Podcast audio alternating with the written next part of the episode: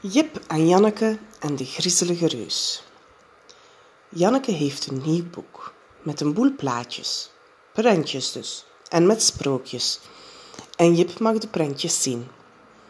Heb je schone handen? vraagt Janneke. Zul je het niet vuil maken, Jip? Nee, ik zal het niet vuil maken, zegt Jip. En ze kijken samen in het boek.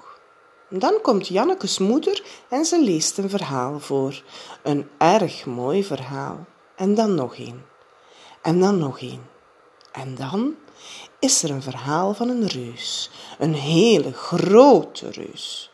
Er staat een plaatje bij van de reus. Um, zegt Janneke. Wat een griezelige reus. Ja, zegt Jip, echt griezelig. Als Jip naar bed gaat om zeven uur, is hij het verhaal vergeten. Maar ineens wordt hij s'nachts wakker. Hij heeft van de reus gedroomd en het was zo akelig. Moeder, riep Jip, moeder. Moeder komt aangelopen en zegt, maar wat is er? De reus, de reus was in een bedje. Maar gekke jongen, je hebt gedroomd. De reus, die kan toch helemaal niet in je bedje. Daar is hij veel te groot voor. Maar waar is hij dan?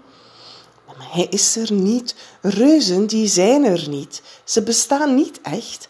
Alleen maar op prentjes. Hier, drink maar een beetje water. En Jip gaat terugslapen. De volgende morgen zegt hij, ik heb van de reus gedroomd.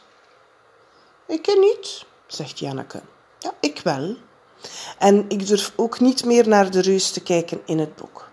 Ja, dan slaan we hem over. En dan gaan ze weer samen in het boek kijken. Maar de griezelige reus, die gaan ze nu niet bekijken.